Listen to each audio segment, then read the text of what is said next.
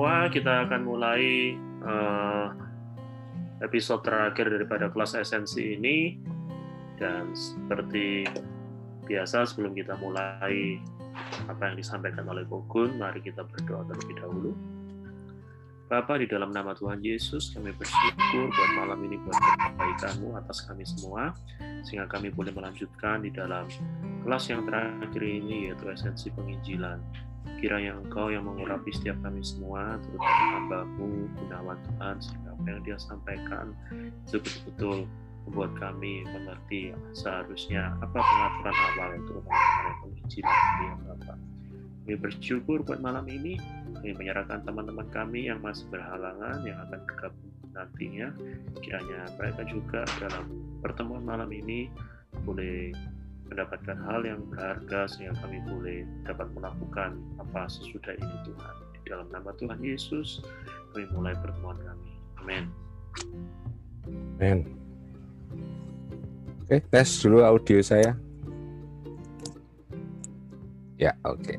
Oke, saat malam teman-teman semua yang dikasih oleh Tuhan. Kita berjumpa kembali dalam kelas esensial kita pada malam hari ini. Ini adalah kelas yang terakhir dari kelas uh, esensi ya. Dan malam hari ini kita akan bicara satu hal yang berkaitan dengan uh, tindakan out ya, yang keluar. Jadi kalau kemarin kita sudah berbicara ada tiga pilar di dalam gereja yaitu bicara up hubungan dengan Tuhan dan kita membicarakan itu di esensi uh, ibadah dan kemudian in ke dalam dan kita sudah berbicara itu di dalam esensi uh, pelayanan dan Christian meeting dan kemudian malam hari ini berarti kita berbicara yang terakhir yang out yaitu tentang bagaimana kita menjangkau dalam tanda kutip ya keluar yaitu esensi penginjilan. Saya akan share screen seperti biasa supaya bisa uh, mempermudahkan kita untuk mengikuti. Tunggu sebentar.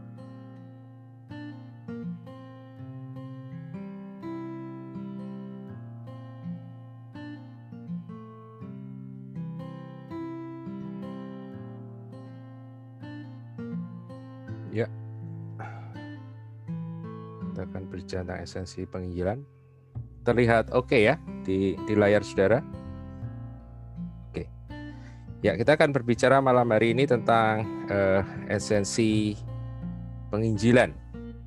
Dan uh, seperti yang saya tadi katakan, bahwa kita sudah uh, belajar tentang tiga esensi yang kemarin, yaitu kita sudah berbicara tentang esensi gereja. Dan saya definisikan esensi gereja adalah komunitas ya murid-murid Kristus yang hidup sebagai keluarga. Kemudian esensi ibadah, sikap hati yang menghormati Tuhan dan menyerahkan diri sebagai hamba kepada kepadanya. Kemudian yang ketiga, kita sudah berbicara tentang esensi pelayanan, bagaimana kita memberikan sebuah tindakan untuk memberikan kebaikan kepada orang lain yang bersumber dari penyembahan kita kepada Tuhan. Itu kurang lebih yang kita sudah pelajari dari tiga esensi kemarin, itu esensi gereja, esensi ibadah, dan esensi pelayanan. Jadi esensi gereja, bahwa gereja bukan bicara gedung, gereja bukan berbicara program, gereja bukan berbicara tentang uh, acara ya tapi gereja bicara tentang people. Gereja bicara tentang orang-orang yang memiliki relasi satu sama lain ya sebagai keluarga. Kita sudah bicara itu. Esensi ibadah kita kemarin sudah berbicara tentang esensi penyembahan bahwa ibadah harus dibedakan dari pertemuan ya atau perhimpunan. It is two different things dan kita sudah berbicara bahwa ibadah penyembahan adalah bicara tentang uh, sikap hati dan penghambaan. Dan pelayanan kita juga kemarin sudah belajar bahwa pelayanan juga bukan bicara perform, bukan bicara sesuatu yang hanya dilakukan pada hari Sunday, pada hari Minggu di gedung gereja, tetapi juga uh, membicarakan tentang tindakan untuk memberikan kebaikan kepada orang yang bersumber dari worship, our worship penyembahan kita kepada Tuhan. Uh, kita akan berbicara tentang esensi penginjilan pada pada malam hari ini. Tapi sebelumnya kita atau saya akan uh, membagi lebih dulu tentang apa sih konsep penginjilan di dalam di dalam paradigma modern ya hari-hari ini. Dan saya rasa ini sesuatu yang bukan yang luar biasa karena kita semua saya kira memahaminya seperti ini konsep penginjilan. Saya definisikan bahwa penginjilan adalah sebuah upaya untuk meyakinkan orang agar percaya kepada Kristus sebagai juru selamat sehingga orang tersebut diampuni dosanya dan mendapatkan jaminan untuk masuk ke sorga setelah ia meninggal. Itu kurang lebih konsep penginjilan yang saya amati ya. Nanti kalau misalnya saudara punya understanding lain atau konsep lain silahkan nanti di waktu di di QA bisa bisa di bisa dilontarkan.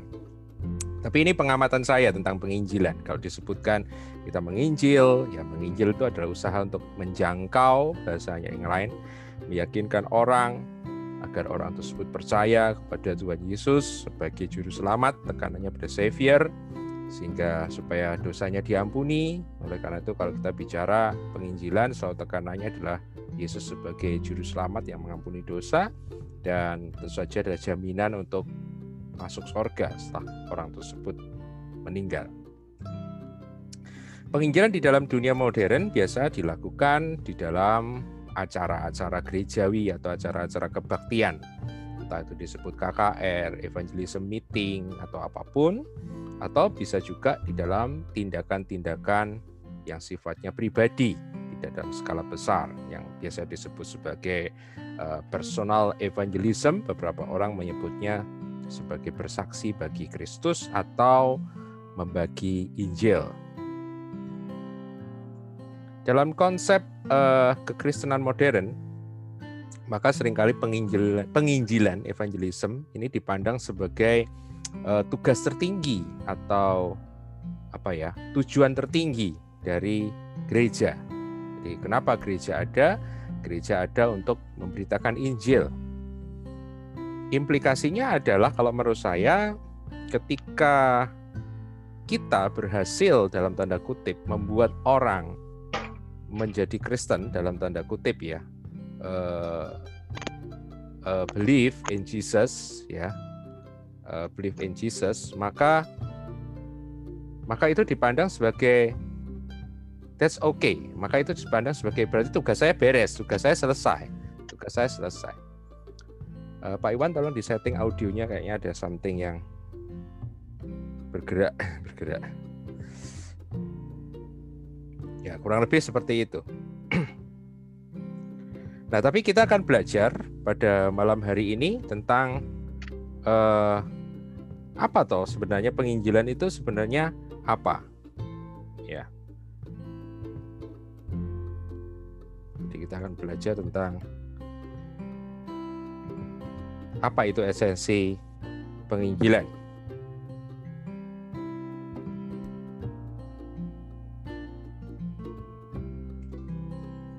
Yang pertama, esensi penginjilan saya akan menghubungkan antara penginjilan dan kerajaan.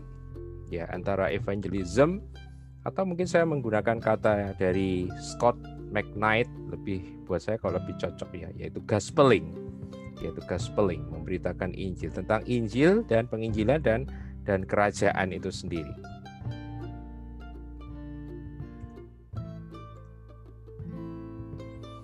Yang pertama yang harus kita pahami bahwa kata Injil atau gospel di dalam budaya Yunani adalah sebuah istilah yang berhubungan dengan perihal bertahtanya seorang raja. Itu kata gospel.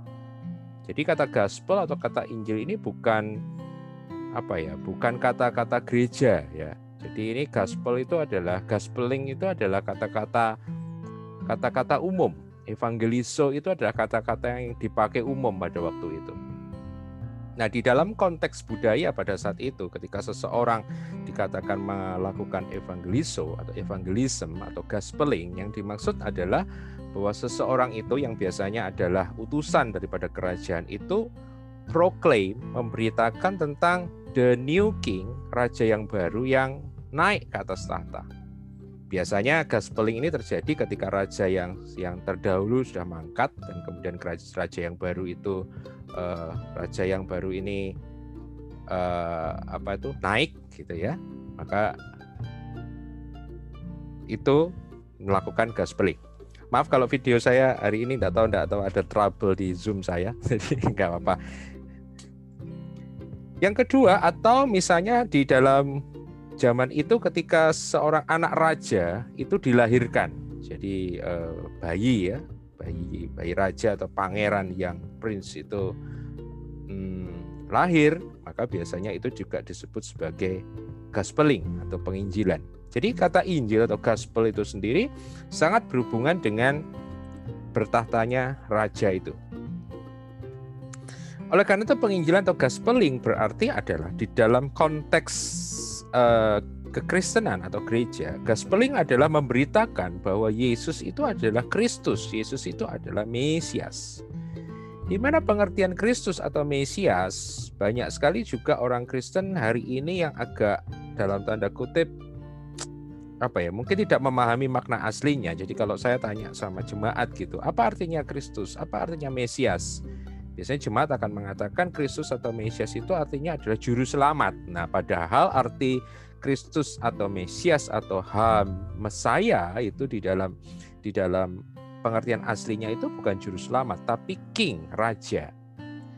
Raja yang dijanjikan raja Israel yang dijanjikan raja yang kemudian dikatakan akan memerintah seluruh dunia. Dan tentu saja di dalam berita perjanjian lama raja ini kalau bertahta maka raja itu yang akan menyelamatkan Israel dan setiap orang yang percaya kepadanya. Maka tekanan saya tentang gospeling bahwa berita Injil sebenarnya tekanannya bukan menerima Yesus, Berita Injil tekanannya juga bukan menerima pengampunan dosa dalam pemahaman kekristenan modern yang seperti sekarang ini. Dan tekanan berita Injil bukan jaminan untuk masuk surga. Ya, mungkin ini sesuatu yang mengagetkan, tetapi bagi saya ketika saya sudah melakukan studi inilah Sebab kata menerima Yesus itu sendiri tidak ada di dalam Alkitab. Anda tidak akan mendapatkan satu kata atau satu kalimat di dalam Alkitab yang menyuruh orang-orang pada waktu itu untuk menerima Yesus. Ya, tidak ada menerima Yesus, yang ada percaya kepada Kristus, tapi bukan menerima Yesus. Menerima pengampunan dosa tentu saja ada, tapi harus dilihat juga konteksnya seperti apa. Jaminan masuk surga rasanya juga tidak ada berbicara tentang masuk surga ya. Bicara hidup kekal ya ada tapi hidup kekal tentu saja pengertiannya bukan bukan surga ya. Jadi menurut saya redefinisi kita tentang penginjilan adalah ini bahwa berita Injil bukan menerima Yesus, berita Injil bukan bicara tentang supaya diampuni dosanya, berita Injil bukan bicara tentang jaminan masuk surga. Berita Injil adalah ini menurut saya kalau kita belajar Alkitab. Percaya, believe bahwa Yesus adalah raja. He is king. Tekanan raja artinya adalah the sovereign one, seseorang yang berkuasa, yang berwenang mutlak. Jadi gospeling di dalam PL khususnya adalah memberitakan bahwa Yesus adalah raja yang dijanjikan Yehova, Yahweh di dalam perjanjian lama bagi Israel. Oleh karena itu kalau kita belajar Alkitab, berita Injil itu pertama kali ditujukan kepada Israel. Baru sesudah itu kepada Gentiles, kepada bangsa-bangsa non-Yahudi atau non-Israel. Dan sebagai konsekuensinya setelah melihat, believe bahwa Jesus is King, maka tindakan selanjutnya tidak bisa dipisahkan adalah orang itu harus submit, menundukkan diri di bawah wewenang, di bawah otoritas, di bawah pemerintahan daripada Raja Yesus atau King Jesus. Maka menarik buat saya bahwa penginjilan itu bukan usaha mempersuasi orang. Penginjilan ada sebuah deklarasi dari sorga bahwa Yesus ada Raja. Persuasi apa bedanya persuasi dan deklarasi? Buat saya adalah persuasi itu sangat lemah. Kalau kita mempersuasi seseorang dan orang itu tidak berhasil kita persuasi, ya nggak masalah gitu kan. Misalnya hari-hari ini kalau saya sedang jual, menjual sebuah barang atau sebuah benda atau sebuah jasa kepada seseorang dan saya mempersuasi orang tersebut, maka kalau orang tersebut tidak berhasil saya persuasi, ya paling nggak beli barang saya dan that's okay. Tapi deklarasi buat saya yang dinyatakan dalam gospeling itu berbeda. Di dalam deklarasi hanya ada dua respon yang bisa diberikan. Anda menerima dan Anda menolak. Dan kalau Anda menerima, ada konsekuensinya. You submit. Anda menundukkan diri kepada the ruleship, kepada government, kepada pemerintahan, kepada hukum, kepada perintah. Dan yang kedua, Anda menolak. Artinya menolak wewenang, menolak pemerintah berarti menolak juga apa? rule, menolak juga hukum, menolak juga wewenang daripada Raja Yesus itu. Sehingga oleh karena itu kenapa misalnya kalau kita lihat kenapa orang yang tidak percaya kepada Yesus dalam tanda kutip akan menerima hukuman karena itu konsekuensi. Dan ini juga buat saya kalau kita mau berpikir lebih dalam, berarti seseorang yang mengaku dirinya percaya kepada Yesus, tetapi kemudian setelah itu hidupnya tidak sesuai dengan hukum-hukum daripada sang raja, maka sebenarnya artinya sama saja dia tidak percaya. Oleh karena itu antara faith antara belief, antara percaya dan obedience dan ketaatan itu adalah dua hal yang tidak bisa dipisahkan. Jadi apa yang saya mau katakan sebentar, saya akan tunjukkan satu ayat Kisah Rasul 2 ayat 36 sampai 39 ini adalah khotbah Petrus di hari raya Pentakosta mengatakan seperti ini saya ambil dari versi uh, terjemahan baru. Jadi seluruh kaum Israel harus tahu perhatikan saudara bahwa gospeling gospel itu pertama ditujukan kepada Israel. Oleh karena itu kenapa Petrus di dalam khotbahnya dia mengatakan ini karena memang audiens pertamanya dia adalah orang Israel. Jadi seluruh kaum Israel harus tahu dengan pasti bahwa Allah telah membuat Yesus yang kamu salibkan itu menjadi apa? Tuhan dan Kristus. Kurios dan Mesias. Ya. Kurios and Kristus dan kalau saudara belajar tentang kata kurios Christ dan Kristus Tuhan dan Kristus Lord and Christ Lord and Messiah Lord and the Anointed One, buat saya dua-duanya sama, yaitu the sovereign one, seorang yang berkuasa, seorang yang ditetapkan menjadi raja. Jadi perhatikan ini bahwa inti gospel adalah apa? Inti gospel adalah Allah telah membuat Yesus menjadi Tuhan dan Kristus, not Savior.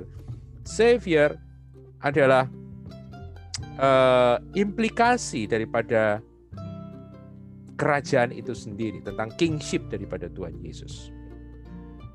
Baru setelah itu di ayat 37 dikatakan seperti ini. Ketika mereka mendengar hal itu, hati mereka sangat terharu. Lalu mereka bertanya kepada Petrus dan rasul-rasul yang lain, apakah yang harus kami perbuat, saudara-saudara? Jawab Petrus kepada mereka, bertobatlah. You must have a different thinking, ya, bertobatlah dan hendaklah kamu masing-masing memberi dirimu dibaptis dalam nama Yesus Sang Raja itu, Sang Kristus itu untuk pengampunan dosamu, maka kamu akan menerima karunia Roh Kudus. Perhatikan memang disebutkan tentang pengampunan dosa di situ, tapi pengampunan dosa itu menurut saya di sini harus dihubungkan dengan konsep ketuhanan atau kerajaan daripada Yesus itu sendiri. Ya, karena ini adalah Israel. Israel adalah umat Allah yang memberontak kepada rajanya. Dia yaitu Yahweh. Oleh karena itu kenapa dia mengatakan kamu harus dibaptis untuk pengampunan dosamu dari Israel. Maka kamu akan menerima karena Roh Kudus. Jadi pengampunan dosa, dosa apa yang dimaksudkan di Kisah Rasul 2 ayat 36 sampai 39 menurut saya bukan bukan semua dosa, bukan dalam dosa-dosa dalam pengertian kita seperti mencuri, membunuh, bersinah, walaupun ya itu nanti secara implikasi bisa masuk di situ, tapi buat saya dosa di dalam kisah Rasul 2 38 berbicara dosa yang khusus, dosa yang spesifik.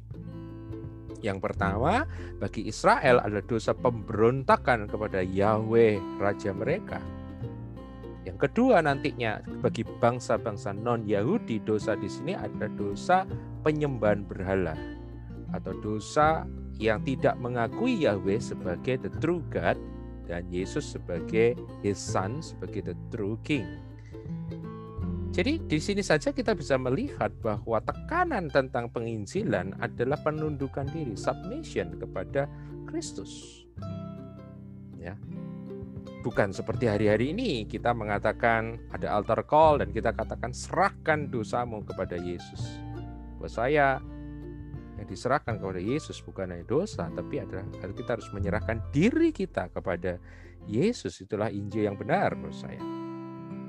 Dan dikatakan setelah itu kamu kamu akan menerima Roh Kudus sebagai karunia. Yang dimaksud karena yang dimaksud di sini bukan karunia karena Roh Kudus, tapi Roh Kudus sebagai karunia. Sebab bagi kamulah janji itu dan bagi anak-anakmu dan bagi orang yang masih jauh yaitu sebanyak yang akan dipanggil oleh Tuhan Allah kita.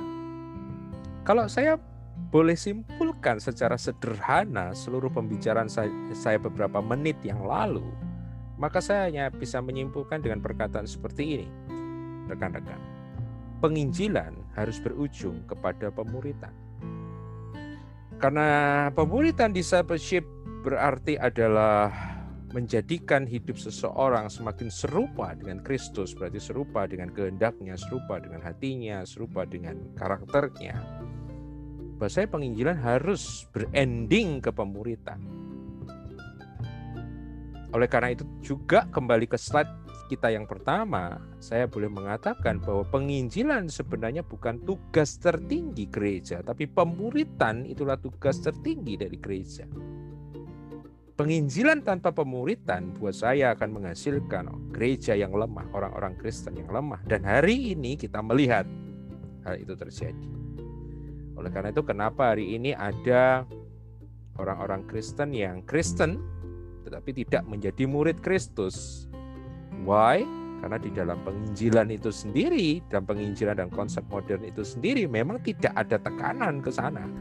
Baruslah orang menjadi warga gereja setelah bertahun-tahun dan kalau gembalanya cukup serius baru ngajarkan itu. Kalau enggak ya forever and ever orang itu tidak akan pernah mendapatkan the true gospel. Sehingga hari ini penginjilan dalam konsep modern menghasilkan orang-orang Kristen yang sangat percaya bahwa dosanya diampuni dan sangat percaya nanti mati masuk surga. Nah bisa saja hidupnya amburadul dan mereka mengatakan it's fine. Dan buat saya kita harus menemukan kembali esensi penginjilan yang benar. Jadi yang pertama adalah esensi penginjilan ada bicara tentang evangelism and kingdom, evangelism and the kingship of Jesus. Saya agak kesulitan menerjemahkan kata kingship dalam bahasa Indonesia. Jadinya kerajaan. Kerajaan benar ada kingdom juga diartikan kerajaan. Mungkin ada rekan-rekan yang nanti bisa membantu menemukan kata yang tepat. Esensi penginjilan yang berikutnya, saya merenungkan membicarakan antara penginjilan dan kehidupan. Evangelism and daily life evangelism and our life ya Kenapa saya menekankan ini? Karena kembali lagi masih banyak orang Kristen modern yang berpikir bahwa penginjilan hanya akan terjadi di dalam momen-momen khusus. Kalau ada kebaktian, baru di situ terjadi penginjilan. Kalau ada KKR, di situ terdapat penginjilan. Artinya kita berpikir harus ada di set satu momen, satu waktu, satu hal yang khusus baru penginjilan itu terjadi. Atau yang kedua, yang dekat sekali dengan penginjilan adalah misi. Misi, misio dalam bahasa Latin artinya adalah diutus. Penginjilan artinya adalah memberitakan berita tentang Injil. Jadi penginjilan dan misi itu berkaitan sangat erat sekali ya karena kita diutus untuk memberitakan Injil ya. Berarti kita bermisi itu untuk melakukan penginjilan. Misi dalam pengertian orang modern pun masih banyak berpikir bahwa bermisi itu harus keluar daerah. Dan daerahnya itu harus daerah-daerah yang jauh terpencil gitu ya. Pelosok-pelosok gitu. Yang nggak ada makanan gitu ya. Yang sulit air ya kayak begitu. Baru kemudian kalau kita ditanya ke mana? Oh saya bermisi kalau saya pergi ke Surabaya, nggak tahu saya disebut bermisi atau enggak ya. Kalau saya hari ini satu tahun enggak ke mana-mana, apakah kemudian saya mengatakan, oh saya tidak bermisi karena hari ini lockdown, misalnya seperti itu. Nah, menurut saya ini juga harus mengalami uh, satu redefinisi tentang penginjilan dan misi. Apa redefinisi atau esensi penginjilan atau misi yang kedua buat saya adalah ini bahwa penginjilan dan misi harus terjadi di dalam konteks kehidupan sehari-hari atau daily routines, rutinitas sehari-hari. Ya. Penginjilan, evangelism, gospeling is our lifestyle. Permisi itu juga our lifestyle, is our life.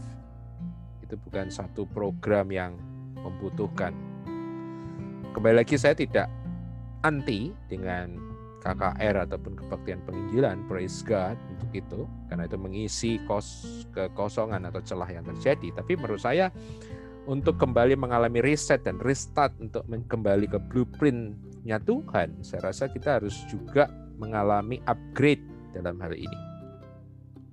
Coba Bapak Ibu Saudara bayangkan kalau seluruh jemaat yang ada saat ini memandang aktivitas hari-hari mereka sebagai penginjilan dan misi. Wow, buat saya ini luar biasa.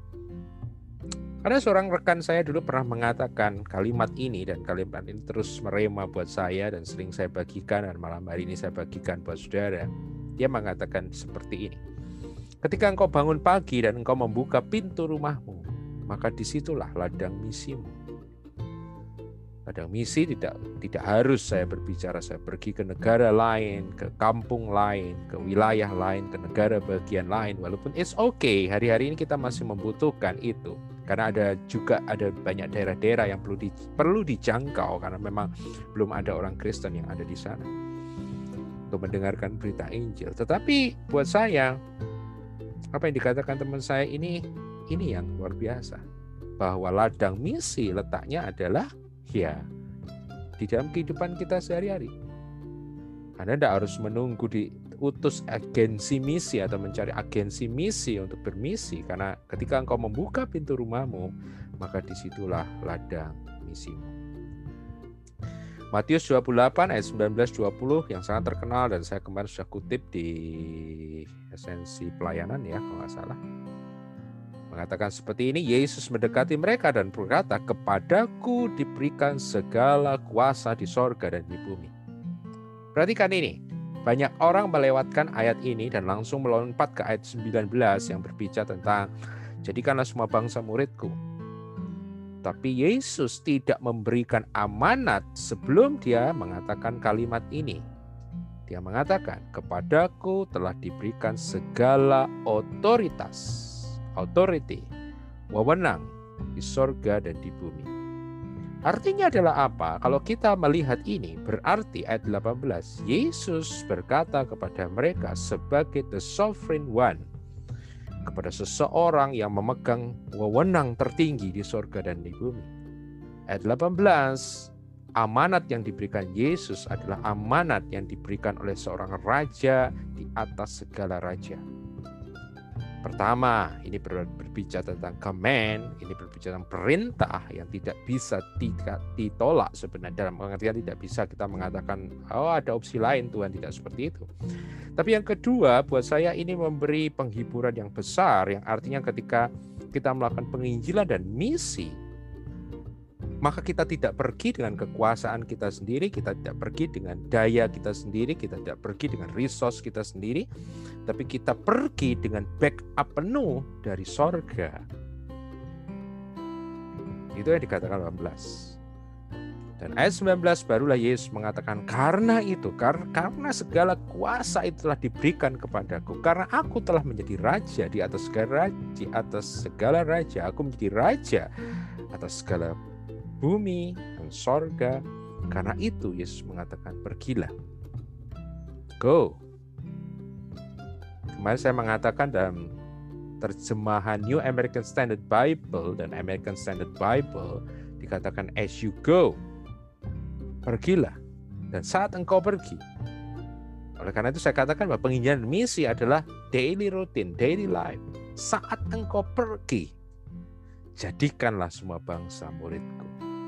Saat engkau pergi ke kantor, saat engkau pergi bekerja, saat engkau pergi ke ke sekolah, saat engkau pergi ke university, saat engkau pergi ke office, saat engkau pergi ke market, saat engkau pergi ke mana pun.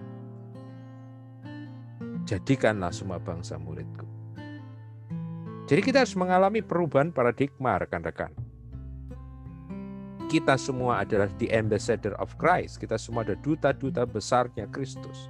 Kita semua adalah penginjil-penginjilnya Kristus. Kita semua adalah dalam tanda kutip saksi-saksinya Kristus. Dan saat Anda pergi, Anda pergi dengan jabatan itu. You are the ambassador of Christ. Dan ajarlah mereka melakukan segala sesuatu yang telah kuperintahkan kepadamu. Dan ketahuilah aku menyertai kamu senantiasa sampai kepada akhir zaman. Yang ketiga, saya akan berbicara tentang esensi penginjilan yang ketiga dan yang terakhir yang malam hari ini saya bahas karena Eh, mungkin di QA nanti kita bisa lebih lebih memperdalam. Saya harus membahas tentang ini karena kalau kita tidak memaham ini ya terjadi sering terjadi hari-hari ini juga confuse, kebingungan. Yaitu yang saya sebut esensi penginjilan yang ketiga adalah hubungan antara penginjilan dan yang disebut sebagai mandat budaya atau the culture mandate. Kemarin Kodania juga sempat nanyain ini yang pergi ke desa-desa, pergi ke kampung-kampung, bangun desa, gali sumur ya mungkin seperti itu. Buat saya itulah the culture mandate, itulah mandat budaya. Tuhan Yesus, John the Baptist, Yohanes Pembaptis sebagai pembuka jalan buat Tuhan dan para rasul, the apostles, memberitakan tentang kingdom of God, kerajaan Allah jadi kalau kita belajar dan saya sudah membahas ini di Reading Bible as Story. Kalau Bapak Ibu Saudara ingin tahu silahkan masuk ke YouTube channel saya itu ada atau masuk ke YouTube channelnya Michael Yudi karena saya dengan Kodoni sudah membahas itu selama lima atau enam enam kali pertemuan tentang Reading Bible Story dan kita sudah menunjukkan di situ bahwa inti daripada Alkitab adalah kingdom Salah satunya adalah bicara kingdom. Maka apa yang diberitakan oleh Yesus, apa yang diajarkan oleh Tuhan Yesus? Tidak ada yang lain, yaitu tentang kingdom, kerajaan Allah. Dan kalau kita membaca dalam perjanjian baru dalam kitab-kitab Injil, saya mendapatkan bahwa kerajaan yang datang ini ada membawa amanat, mandat yang saya sebut sebagai kingdom mandate, mandat kerajaan. Dan buat saya mandat kerajaan itu ada dua, yaitu mandat penginjilan yang disebut sebagai the Great Commission Matius 28 tadi, mandat penginjilan, mandat amanat untuk memberitakan bahwa Yesus adalah raja, bahwa Yesus adalah Tuhan. Tetapi juga ada yang saya lihat sebagai mandat budaya. Ya, bukan hanya proclaim Jesus is King, tapi juga ada mandat yang lain yang misalnya jika engkau melihat orang yang lapar, berilah mereka makan. Jika engkau melihat orang haus, berilah mereka minum. Jika engkau melihat orang sakit, sembuhkan mereka. Jika engkau melihat ada orang-orang yang yang yang terikat oleh iblis, lepaskanlah mereka. Buat saya that's the the culture minded Keduanya menurut saya harus dan dapat dibedakan antara evangelism dan mandat budaya, antara penginjilan gospeling dan mandat budaya, namun keduanya sangat berhubungan erat satu sama lain. Karena biasanya bisa dua arah, bisa evangelism lebih dulu, deklarasi dulu bahwa Yesus adalah Raja, dan kemudian sebagai implikasinya adalah culture minded kemudian juga berjalan. Atau bisa terbalik Bapak Ibu Saudara rekan-rekan culture minded itu terjadi lebih dulu. Dan itu membuka pintu membuka jalan bagi ambassador of Christ apostles, para rasul, para penginjil pada waktu itu untuk mendeklar, untuk menyatakan bahwa Jesus is King. Saya akan mengambil satu ayat di dalam perjanjian baru, eh, ayat yang menceritakan tentang bagaimana Tuhan Yesus mengutus murid-muridnya waktu itu yaitu Matius 10 ayat 7 sampai dengan ayat 8 dikatakan begini, "Pergilah dan beritakanlah. Declare it." Apa itu? Kerajaan sorga sudah dekat. Kerajaan Allah sudah dekat. The kingdom is near. Kerajaan itu bukan bicara sorga yang mendekat, tapi kerajaan dari sorga itu sudah mendekat. Kerajaan Allah itu sudah dekat. Buat saya inilah gospeling, inilah evangelism, inilah penginjilan.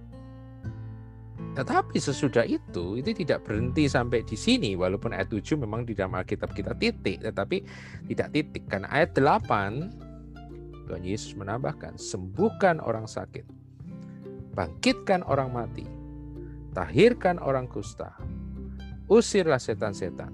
Kamu telah memperolehnya dengan cuma-cuma, kan tu berikanlah pula dengan cuma-cuma.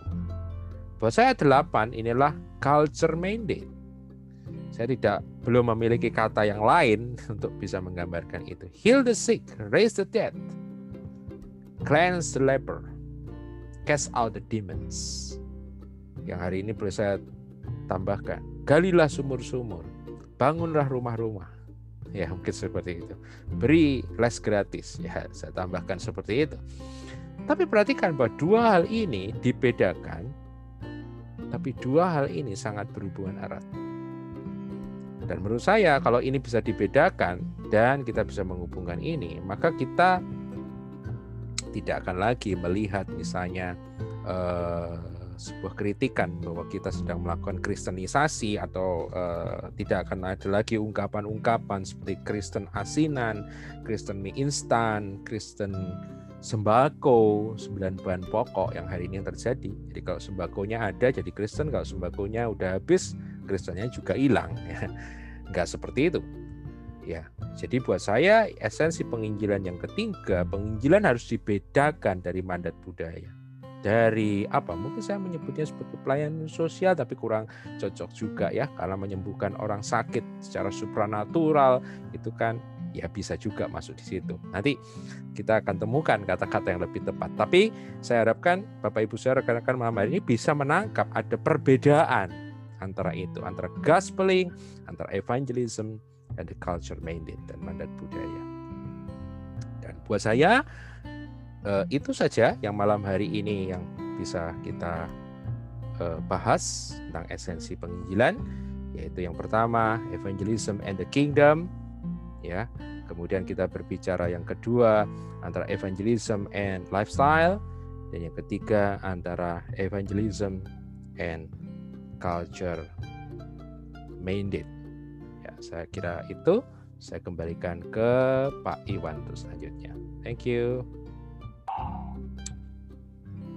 Thank you, Kun. Ya.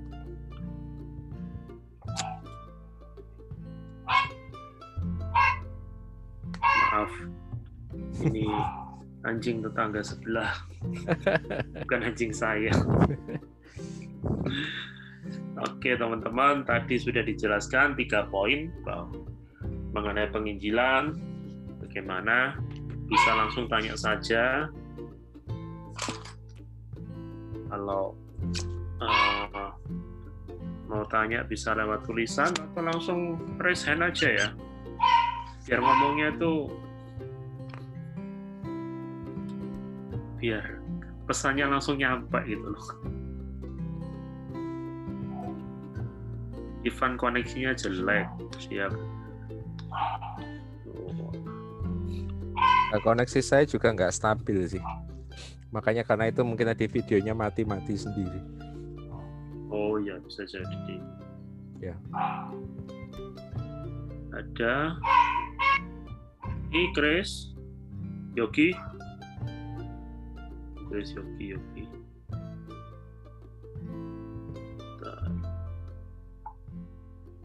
Halo, halo.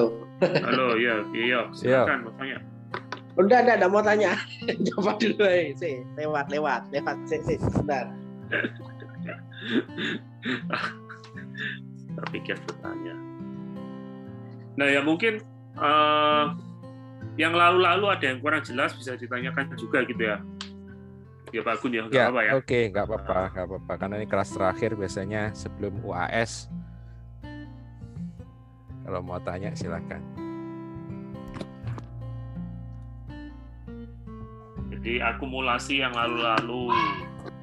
Silakan Hmm. teman-teman bertanya. nanya-nanya Ya, monggo Len. apa namanya tadi lah aku ngomong puncak dari penginjilan itu kan discipleship pemuritan ya Mm-mm. terus apa namanya kalau sekarang kan discipleship itu di gereja kan kayak program gitu kan rekennya jadi Mm-mm. terus apa namanya kok jemaat sekarang itu kalau diajak suruh melok pemuritan gitu kok biasanya nggak mau sing ikut biasanya Siti biasanya di oyo-oyo baru mau gitu Mm-mm. nah itu gimana kok Ya kembali lagi seperti saya bilang karena penginjilannya kan salah beritanya. Ya kan? Maksudnya begini. Ya ini ini guyonan ya jok ya yang sering terjadi kan kadang-kadang kalau kita ada promo begitu kan promonya itu yang ah, bagus-bagus gitu toh terus kemudian ada bintang kecil kemudian di bintang itu syarat dan ketentuan berlaku gitu kan sehingga biasanya kalau kalau orang itu kan lihat promonya dulu kemudian sudah beli baru kemudian belakangan baru mereka lihat loh ternyata ada syarat dan ketentuan berlaku. Cuma kalau di dunia itu kan mau nggak mau mereka harus melakukan itu. Dan menurut saya di hari-hari ini di ya di gereja walaupun mungkin tidak sama persis kan hari-hari itu yang terjadi.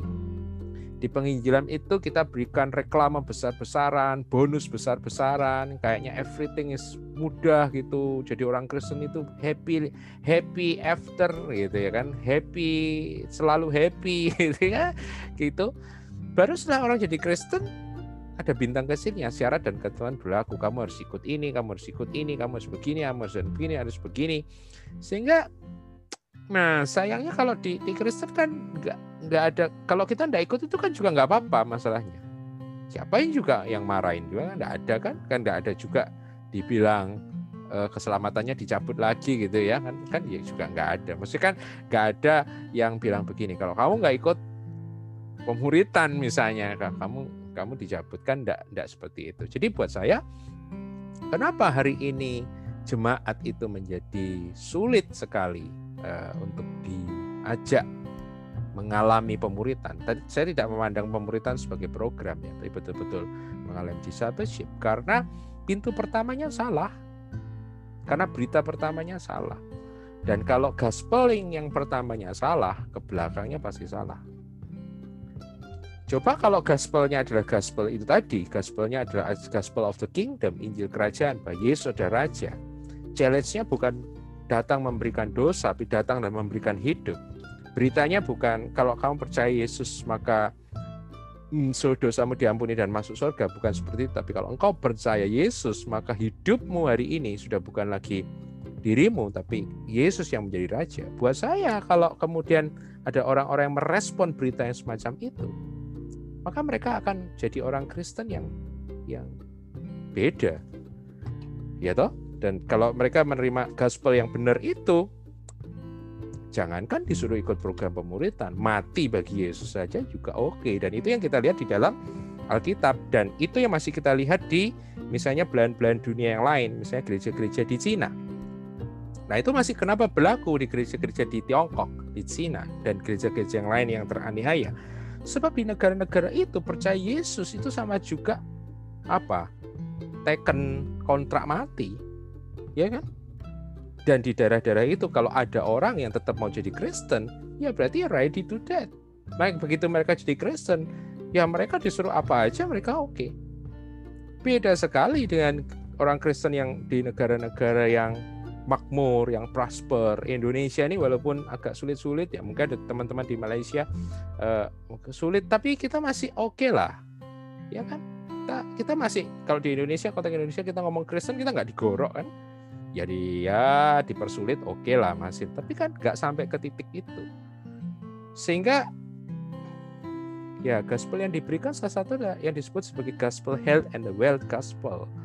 Uh, saya juga tidak menentang kesehatan, kesembuhan ilahi dan kemakmuran karena saya percaya bahwa Tuhan juga bisa memberikan itu. Tetapi kalau tekanannya pertamanya itu di situ, buat saya akan jadi masalah.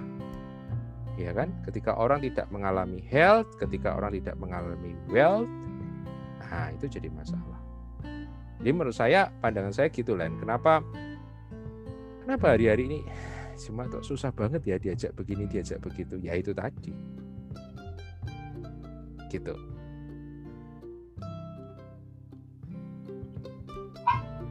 Iya, Len.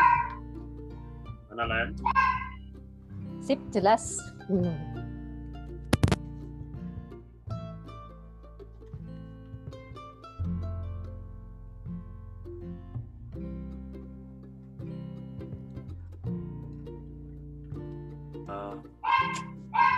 Pengalamannya dia uh, dibegitukan dengan teman-teman yang ada Gimana gimana Pak? Sorry. Uh, ini soalnya ya. Ya Pak uh, Budian bilang penjelasan tentang misi ini sangat mencerahkan karena rata-rata semua teman-temannya dia dari kuliah dan dosen-dosen dulu yang mengajar kalau pas tanya pelayanannya di mana atau sekarang pelayanan apa dijawab sama Budian saya nggak pelayanan di gedung gereja atau institusi gereja. Saya tuh buka les-lesan lembaga hmm. bimbingan belajar. Ya. dan biasanya karena punya pandangan misi dan pelayanan yang beda dengan esensi yang diajarkan empat kali pertemuan ini biasanya ya oh gitu. Maksudnya dalam eh, sedikit underestimate mungkin ya sedikit underestimate dengan apa yang dilakukan oleh Budian gitu padahal kan setiap kali uh, ada kesempatan dan setiap kali ketemu dengan murid-muridnya yang non believers kan Budian selalu menceritakan tentang Yesus dan tentang kehidupan iman dia pada saat mereka bertanya. Ya, ya.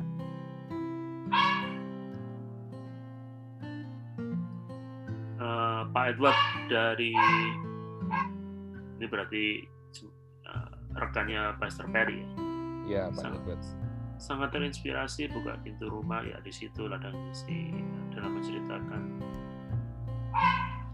dalam menceritakan kerajaan sorga kongsikan apa nih kongsikan itu apa kalau bahasa kita ya? saksikan kali ya menyaksikan kebaikan Tuhan dan sebagainya mungkin. Share share. Berbagi oh, berbagi.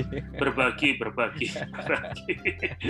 pertanyaannya bagaimana kita mempunyai misi jika kita tidak langsung dari kawasan rumah sebenarnya di kampung terus contohnya?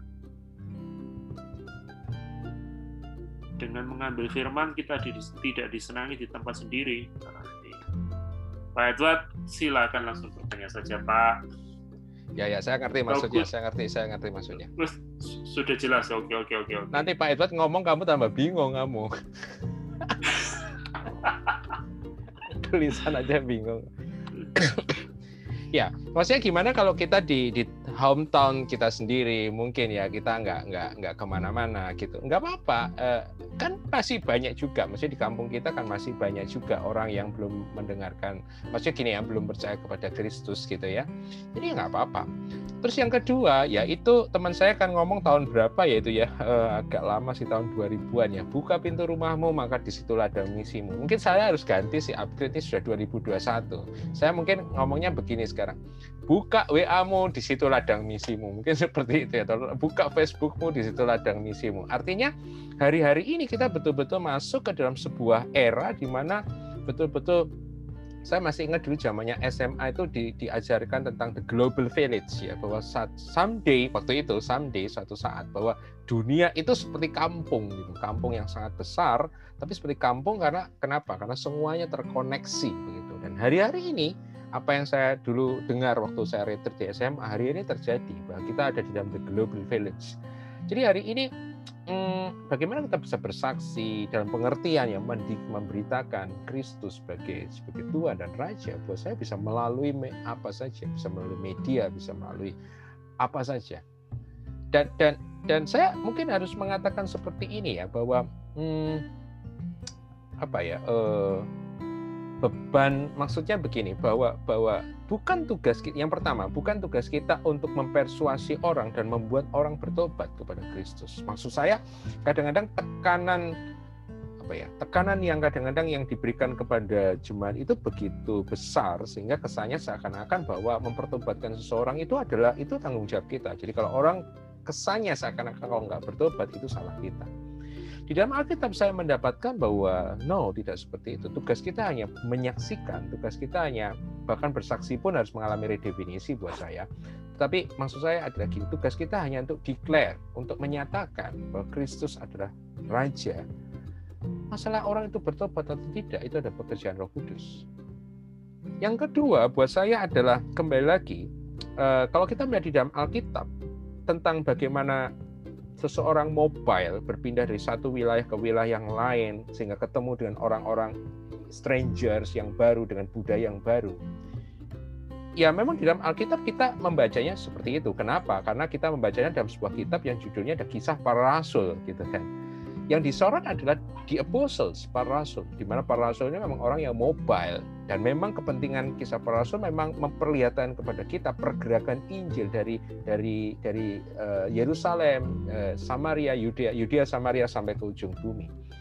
Tapi maksud saya adalah begini, bagi kita hari-hari ini yang yang terutama jemaat yang yang sehari-hari kita mungkin tidak punya bahkan sebelum masa pandemi pun kita tidak memiliki banyak waktu untuk misalnya kita bertemu dengan orang-orang yang baru atau pergi ke kota yang baru walaupun itu mungkin bisa terjadi bagi beberapa orang tapi majority tidak seperti itu. Nah, kebanyakan yang bisa mobile seperti itu adalah mungkin para pastor, para evangelis, ya, para orang-orang yang full time tapi bagaimana dengan jemaat yang tidak pernah bergerak dari satu daerah ke daerah yang lain yang mungkin hanya dari kan dari rumah, dari home ke office, dari dari rumah ke kantor, baik lagi ke rumah ke kantor, dari rumah ke kantor yang everyday seperti itu. Uh, saya mendapatkan ada banyak jemaat merasa bersalah begitu karena mereka merasa bahwa mereka tidak melaksanakan uh, amanat agung daripada Tuhan Yesus. Tapi menurut saya tidak seperti itu ya begini maksud saya adalah penginjilan itu lifestyle. Ya artinya ya tanggung jawab kita adalah kepada oikos dalam tanda kutip orang-orang yang ada di sekitar kita. Ya Tuhan menurut saya tidak akan meminta pertanggung jawab kita tentang orang yang tidak kita kenal begitu ya kecuali memang ada orang-orang yang dikasih beban khusus oleh Tuhan untuk menjadi misioneri atau menjadi seperti itu, menjadi pastor atau menjadi orang-orang yang bergerak ke situ. Tapi pada majority, menurut saya adalah ya tanggung jawab kita ya kepada circle yang ada di sekeliling kita, keluarga kita, tetangga kita yang kita kenal, teman kita, mungkin di luar tapi kita masih kontak dan WA atau apa. Dan tugas kita adalah ya menyaksikan pada orang-orang ini gitu loh Menurut saya Tuhan tidak akan menuntut, misalnya dari saya, kenapa tetangganya Pastor Pak Edward atau Pastor Perry kok tidak bertobat? Ya tidak tahu itu itu tanggung jawabnya Pastor Perry dan Pak Edward bukan bukan saya begitu. Paham ya maksud saya? Jadi jadi kita harus betul-betul memikirkan ulang sih tentang tentang evangelism itu. Beberapa course evangelism misalnya mengajarkan seseorang untuk uh, pergi gitu bersaksi personal evangelism yang diajarkan kan seperti itu ya. Pergi ngomong misalnya di mobil di bus di, di kereta api di train uh, bagaimana opening the conversation membuka percakapan kemudian memberitakan. Kembali lagi sekali lagi saya tidak menolak itu gitu. Tetapi saya merasakan begini ya nggak semua orang cocok dengan metode itu. Uh, tidak semua orang cocok dengan style ngomong dengan the strangers dengan alien dengan orang asing kemudian ngomong tentang Yesus. Saya ya itu mungkin untuk beberapa orang oke okay, tapi tidak setiap orang. Oleh karena itu buat saya juga konsep course evangelism yang seperti itu yang lahir buat saya di dalam konteks eh, western Amerika Eropa yang memang lebih free dalam bisa membagi opini dan pendapat menurut saya mungkin juga tidak tidak bisa kita jadikan sebuah standar ya standarisasi ya bahwa orang Kristen yang menginjil itu harus seperti itu. Uh, buat saya itu sih komentar saya buat Pak Edward. Jadi kalau buka pintu nggak bisa buka aplikasi Pak, buka handphone Pak, buka smartphone Pak, buka Facebook. ya dan tanggung jawab kita bukan bukan not to everyone to everybody tapi kepada orang-orang yang ada di dalam home kita dalam circle kita. Di dalam office Anda di keluarga Anda di neighborhood Anda di kampung Anda. Walaupun itu mungkin kecil but it's your job it's your duty. Gitu. silakan Pak Iwan. Ya, mungkin seperti yang dirimu bilang, Pak Bro. Untuk menebus rasa bersalah tidak bisa melakukan misi, maka support keuangan bagi mereka yang melakukan misi dengan Iya. pengertian yang salah, dengan pengertian yang salah. Iya, bisa juga sih, bisa juga. Ya, membeli rasa bersalah itu dengan saya nggak bisa pergi, saya kasih uang gitu. ya. Tapi ya, ya, maksudnya kan begini ya, kita memberikan eh, support keuangan untuk misi kan tidak lahir, tidak boleh lahir dari rasa bersalah ya, karena buat saya eh, dalam kerajaan Allah itu yang mempersuasi, memotivasi bukanlah guilty feeling, tapi harus love, compassion, understanding yang semacam itu ya bukan bukan perasaan bersalah. Eh, saya baca ya pertanyaannya dia langsung ya dikatakan ini. Apakah bisa dikatakan bahwa penginjilan itu lebih ke building relationship? Oh ya iya. Karena semua semua yang ada dalam Christianity is relationship. Kemarin kita sudah bicara esensi gereja adalah relationship gitu kan ibadah itu relationship dengan Tuhan.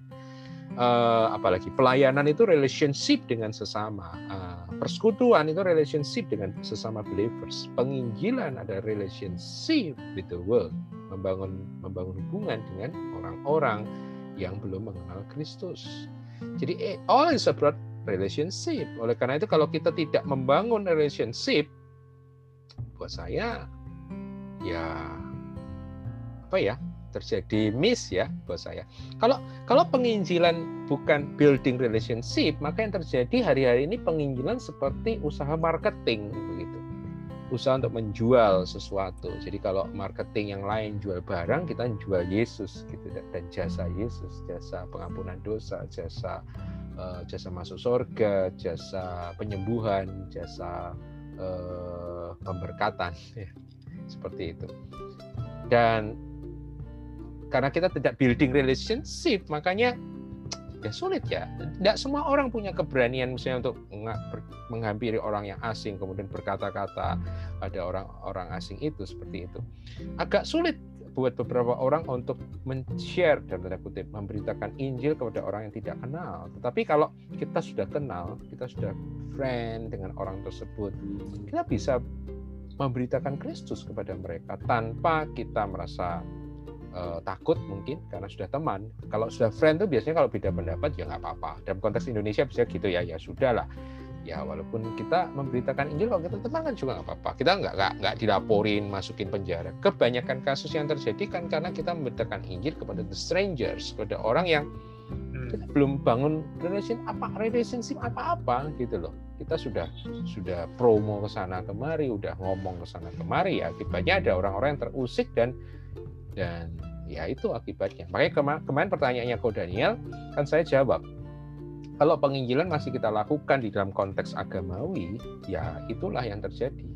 Kita banyak mengalami dalam tanda kutip eh, suffering, banyak mengalami misunderstanding dari orang. Tapi kalau penginjilan kita jalankan dengan lifestyle, dengan penyadaran seperti itu, menurut saya, saya bukan mengatakan bahwa tidak ada lagi suffering buat kita. Kemarin saya sudah katakan bahwa suffering merupakan satu paket dari pemuritan itu sendiri. Artinya kalau kita sudah melakukan itu dan kita masih uh, mengalami hal-hal semacam itu, Petrus mengatakan ya bersukacitalah karena roh kemuliaan roh Kristus itu ada padamu.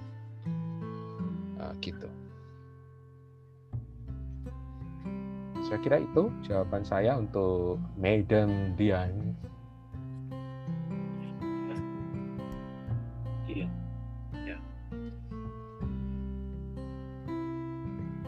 Oke. Nah, Kun, ini Ya. kan eh, saya dapat kesempatan eh, kenal beberapa mereka. Kalau kita yang dari Kristen akhirnya meninggalkan Tuhan Yesus kan sebutannya yang terutama jadi Islam kan sebutannya mualaf gitu toh. Nah, Hmm. mereka yang dari Muslim begitu percaya Yesus, mereka sebutannya murtad, menyebut Hmm. dirinya murtadin gitu toh. Mm. aku sempat tanya eh, berita Injil seperti apa yang sampai ke kamu gitu loh Mm.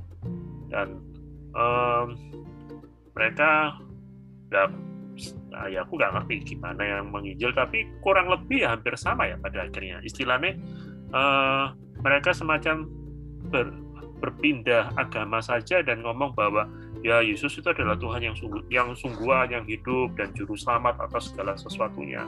Tapi sekali lagi ngomong yang kamu sampaikan tentang kingship tentang ketuhanannya, the lordship-nya itu ya bahkan disampaikan para penginjil ke saudara-saudara kita yang muslim pun tidak nggak seperti itu juga ya. Hanya sebatas ya itu dia Tuhan yang sungguh dan mengampuni dosa gitu. Ya wes mandek sampai itu aja ya. Mm. nah apakah pada akhirnya nggak memproduksi Kristen-Kristen yang sama dengan yang kita yang ada di institusi selama ini pada akhirnya? Sehingga kan mereka kan lebih suka menyuka ya mungkin karena latar belakang mereka sebagai seorang muslim ya lebih suka yang apologet apologet itu dan sejarah-sejarah tapi hmm, pokok yang berbau agamis agamis itu mereka sangat suka sekali gitu dan ya ya itu takutnya saya itu jebakannya pemuritannya apakah cuma sebatas itu saja atau bagaimana ya? untuk kita yang ada di negara mayoritas muslim ini Ya kalau nah mati lagi kan video saya. Hmm, hmm. Ya kalau bicara nanti ke situ mesti melebar ke mana-mana ya Pak ya nggak bisa saya jawabi dalam cuma berapa menit. Tapi kadang-kadang saya melihatnya begini sih. Ya bersyukurnya Tuhan kita tuh Tuhan yang hidup ya. Hmm. Jadi kadang-kadang itu saya melihat begini loh. Kalau gereja itu banyak salahnya, banyak lemahnya, metodenya banyak salahnya, banyak lemahnya. Tapi ya itu ya karena Roh Kudus Allah itu adalah Allah yang hidup. Tetap saja eh, dihasilkan ya orang-orang Kristen yang yang yang radikal, yang benar ya, itu true Christian itu muncul bahkan di dalam konteks banyak kesalahan pesan dan segala macam. Apalagi sebenarnya kalau orang-orang tersebut yang sudah uh, bertobat itu membaca Alkitabnya sendiri secara secara rutin, kemudian ya nggak usah ahli-ahli bahasa Yunani lah ya, baca aja Alkitab. Nanti akan dapetin kok bahwa perintah-perintah Yesus itu seperti apa, harus seperti apa. Dengan sendirinya itu akan tergarap dalam kehidupan mereka. Yang kedua, eh, mungkin saya bersyukur di satu sisi konteks ya. Kalau tadi dikatakan dari dari dari dari Kedar, konteksnya adalah konteks. Hmm, saya memahami mereka, mereka lahir dalam sebuah konteks kingdom sebenarnya. Jadi mereka itu konteksnya sudah benar gitu. Mereka hidup Hmm. dalam konteks kingdom. Makanya kata yang dipakai misalnya eh, bicara tentang syariah, tentang segala macam tentang apa tuh hmm, ah, saya lupa kata-katanya itu ada syariah, ada ada eh, khilafah misalnya ya, Khilafah. ah, tentang kingdom. Jadi jadi konsep teman-teman kita dari Muslim itu sudah kingdom. Maka ketika mereka percaya kepada Kristus, walaupun yang diterima mungkin gospelnya tidak seperti yang saya katakan, tapi karena mereka sudah terdidik di dalam culture kingdom, maka buat saya, buat, buat saya mereka sangat mudah sekali sebenarnya untuk mengadaptasi uh, kemudian itu masuk ke dalam berita gospel itu kemudian masuk ke dalam di dalam culture di mana mereka di diajarkan. Makanya kenapa kita bisa melihat bahwa rekan-rekan kita yang berasal dari sana itu ketika percaya kepada Yesus mereka lebih mirip seperti kisah para rasul dibandingkan kita yang udah bertahun-tahun berpuluh-puluh tahun ada di dalam gereja. Karena kembali lagi kita orang Kristen dibesarkan bukan di dalam budaya kingdom dan budaya kerajaan tapi mereka dibesarkan dalam budaya kerajaan. Menurut saya itu salah satu sebabnya. Oke, oke, thank you, thank you, thank you. Yang lain? Nah, Pastor Perry yang yes, dia lebih tahu. dia lebih tahu dari saya masalah masalah itu. Mau bicara, Pastor? Mau menambahkan, Pastor?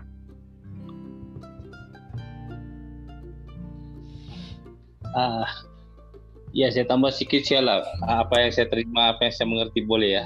Boleh, silakan. Uh, about the kingship, kingdom, kingdom tuh kan yang sangat penting tentang penginjilan yang seperti Koko Gunawan cakap tadi. Ya. Nah, kadang, kadang, kadang, kadang kita menginjil itu kan seperti cara kita ingin mengubah agama kepada sebuah agama. Hmm. Dan banyak yang tidak dapat terima hal seperti itu. Nah, kalau kita masuk kepada apa yang kita bahas malam hari ini tentang kingship and uh, no about the kingdom, ya, yang sangat penting membuat orang mengerti, ya, uh, untuk uh, apa contohnya uh, untuk tunduk kepada se seorang raja ketika orang tunduk kepada seorang raja mereka pasti submit all of his life to the king ya. Ketika mereka submit otomat otomatis mereka akan uh, maksudnya uh, apa pun mereka ikut apa yang raja itu ingin beri kepada mereka. Contohnya keselamatan ya Nah, ketika orang tidak menghormati sebuah seorang raja, bagi mereka itu cuma oh I just uh, follow but I don't want to submit. Kan itu juga bisa terjadi dalam kehidupan kekristenan saat-saat ini. Mereka katakan oh saya saya mau cuma mau ikut Yesus tapi tak, saya tidak mau menyerahkan seluruh hidup saya. Akhirnya kenapa? Dosa sering terjadi. Karena kurangnya uh, disciple atau pemuridan untuk mengerti kenapa ketika kita submit ada hal-hal yang perlu kita lakukan yaitu penyerahan sepenuhnya hidup kita sehingga yang kita katakan Yesus harus semakin bertambah saya semakin berkurang Nah, ketika uh, pemahaman ini kurang di antara orang Kristen, akhirnya banyak banyak yang terjadi merasa oh saya sudah diselamatkan, tetapi cara hidup masih uh, cara dunia ini, maksudnya masih ikut cara mereka kan. Tetapi setelah orang itu mengerti submit itu, uh, maksudnya penyerahan sepenuh kepada Kristus, sehingga ya hidup kita ini kita uh, serahkan sepenuhnya maksudnya uh, yang saya coba ingin sampaikan uh, seperti ini. Uh, maksudnya kita itu uh, menyerahkan hidup kita sepenuhnya kepada Kristus dipimpin oleh Rohnya ya. Nah ketika uh, kita sudah uh, menyerahkan hidup kita sepenuhnya pasti every rule kita akan terima. Hmm. dengan sepenuh hati. Hmm. dengan sepenuh hati. Nah tetapi kalau orang hanya uh, ikut-ikut saja. Contohnya dia bilang oh saya cuma uh, mau percaya tetapi tidak mau submit hidup saya. Nah ada ini yang terjadi kalau uh, bagi orang Kristen saat ini. Mereka katakan oh saya mau melakukan sesuka hati saya. Hmm. ya karena saya cuma mau percaya. Karena di, uh, banyak selama ini contoh saya juga pernah menerima hal seperti oh cukup dengan percaya saya sudah diselamatkan. Hmm. ya. Nah ini karena tidak adanya pemuri dan akhirnya kita oh saya cukup percaya saya sudah diselamatkan uh, kalau saya mau buat apa pun menurut saya ya saya sudah diselamatkan karena saya sudah percaya. Nah itu kan karena tanpa pemuridan tetapi setelah ada pemuridan uh, penginjilan atau pemuridan secara uh, pribadi sehingga kita secara pribadi masuk dan mengenal Kristus Kristus itu secara pribadi kita akan melihat ya dari perjanjian lama sampai perjanjian baru ya itu ada banyak hal yang sebenarnya yang Yesus ingin sampaikan bagaimana mengenal dia sehingga kita bisa meninggalkan dosa Contohnya salah satu saja, uh, kasihilah Tuhan Alamu dengan segenap hatimu, ya segenap, dengan segenap jiwamu, dengan dengan segenap uh, akal budimu dan dengan segenap kekuatanmu. Nah saat kita submit sepenuhnya, otomatis kita itu akan menghormati seorang raja. Kalau kita langgar peraturannya, otomatis ada kose, ko, apa? Ada akibatnya. Hmm. ya, ada akibatnya yang akan kita tanggung. Ya, Nah, oleh sebab itu sangat penting untuk kita ini uh, di dalam penginjilan itu yang seperti kata-kata ya, perlunya pemuridan. Pemuridan itu sangat penting. Ya, kalau sekadar uh, penginjilan menurut uh, pahaman orang modern ya penginjilan kan kita pergi menceritakan Yesus. Apakah semua orang kita langsung bisa ketemu langsung cerita Yesus? Tidak. Hmm kadang-kala orang mau melihat pribadi kita bagaimana cara kita ngomong kepada mereka, bagaimana cara hidup kita sehari-hari. Nah, ketika mereka melihat ini, mereka yang sendiri akan ingin tahu. Ketika mereka ingin tahu, itulah yang seperti tadi juga kita ada bahaskan, perlunya ada relationship dulu. Ya tidak mungkin belum ada relationship kita cerita segala-galanya. Ya. Nah, ketika kita sudah punya relationship dengan mereka, baru mereka akan mulai tanya kenapa kamu hidup kamu bisa begini? Hidup kamu bisa begini? Baru kita perlahan ceritakan. Ceritakan uh, kenapa kita bisa begini? Karena karena Kristus itu. Ya kita tidak bisa jumpa orang langsung bilang oh kamu harus ikut Kristus. Tapi kan banyak orang yang akhirnya kan seperti itu seperti Kak Gunawan kata tadi akhirnya mereka harus dipenjarakan harus tanggung akibat daripada perbuatan mereka sendiri karena cara penginjilan yang salah. Hmm. ya kita tidak bisa jumpa uh, contohnya kita bilang saudara kita langsung kita bilang oh kamu harus bertobat karena agamamu salah langsung kita ditentang boleh dipotong kepala hmm. ya. ini saja yang ingin saya sampaikan ini adalah pandangan daripada sisi saya ya mungkin hmm. tidak tahu apakah jelas atau tidak hmm. ya itu saja jelas sih kalau buat saya uh, Pastor Perry jelas, uh, berikan jelas sekali dan dan mungkin karena background Pastor Perry dan Pastor Perry dan juga uh, uh, Pak Edward juga di sini yang di Malaysia. Malaysia ada kerajaan juga walaupun tidak sepenuhnya seperti kerajaan yang ada di dalam dalam Bible. Tapi mungkin lebih bisa memahami ya. Kita yang ada di Republik ini agak susah. Ya kita ini kan Yesus datang sebagai raja bukan presiden ya. Dia datang Injilnya Injil kerajaan bukan Injil Republik Sorga gitu ya jadi kalau di Republik presiden tuh boleh boleh dikritik ya presiden boleh di di impeachment lah ya. Presiden boleh di ya boleh nggak ditaati lah gitu kan. Ya hari ini kesannya mungkin seperti itu. Pak Yesus itu seperti presiden dan kita tuh diundang masuk Republik Sorga. Makanya banyak orang itu ya nggak percaya. Maksudnya tidak obey kepada Tuhan Yesus ya is okay gitu kan. Tapi kalau kita paham tentang kerajaan, tentang mandat kerajaan, kalau mungkin bahasa Malaysia-nya maklumat kerajaan, tentang who's the king, kita bisa paham lah semua yang kita omongkan tadi seperti apa gitu. Ya itu kesulitan kita ya orang Kristen modern yang kita sudah tidak hidup lagi di zaman kerajaan kecuali yang suka nonton drama Korea ya. Uh, kita agak susah punya gambaran image tentang tentang king and the kingdom jadi saran saya mungkin ya kalau selain belajar Alkitab banyak-banyak nontonlah drama Korea yang kerajaan-kerajaan supaya saudara bisa paham kira-kira seperti apa sih gambarannya.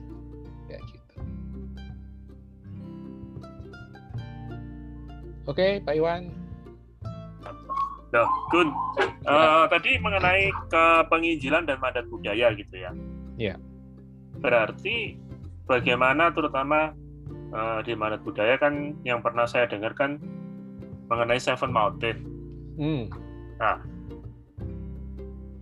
dalam tanda kutip tujuh gunung itu bagaimana dengan mandat yang kita pegang, mandat kerajaan yaitu mandat penginjilan dan mandat budaya ini, tujuh gunung dari mandat budaya itu eh, apa ya? Satu sisi kita nggak berusaha, eh nggak sampai terjebak kayak apa yang terjadi di Amerika tapi kita kepingin tujuh gunung itu bisa ditundukkan di bawah ketuhanan Yesus Kristus gitu nah, itu cara main cantiknya. Hmm. Ya mungkin saya harus kasih interlude dulu. Mungkin beberapa teman yang nggak ngerti tentang Seven Mountain atau Seven Gates atau Seven Spheres ya hari-hari ini ada pengajian tentang uh, mandat tujuh gunung, mandat tujuh gerbang, mandat tujuh spare spare itu apa ya? Tujuh tujuh teritori ya.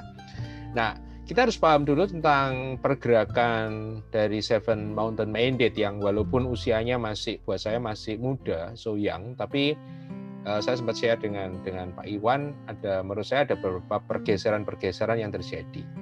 Jadi kalau menurut yang saya tahu bahwa Seven Mountain itu kan dimulai uh, berita ini masuk ke dalam kekristenan Injili masuk lewat dua orang yaitu Lauren Cunningham dari YWAM dan Dr. Bill Bright dari kampus Crusade ya dari kalau di kita LPMI kalau di Indonesia di mana dua orang hamba Tuhan ini ketika tahun berapa saya lupa ketika mereka bertemu berjumpa dan share tentang apa yang Tuhan beri kepada mereka dan mereka sangat terkejut walaupun mereka nggak pernah share mereka lama tidak ketemu tentang itu, tapi ketika mereka share tentang itu, mereka mendapatkan hal yang sama.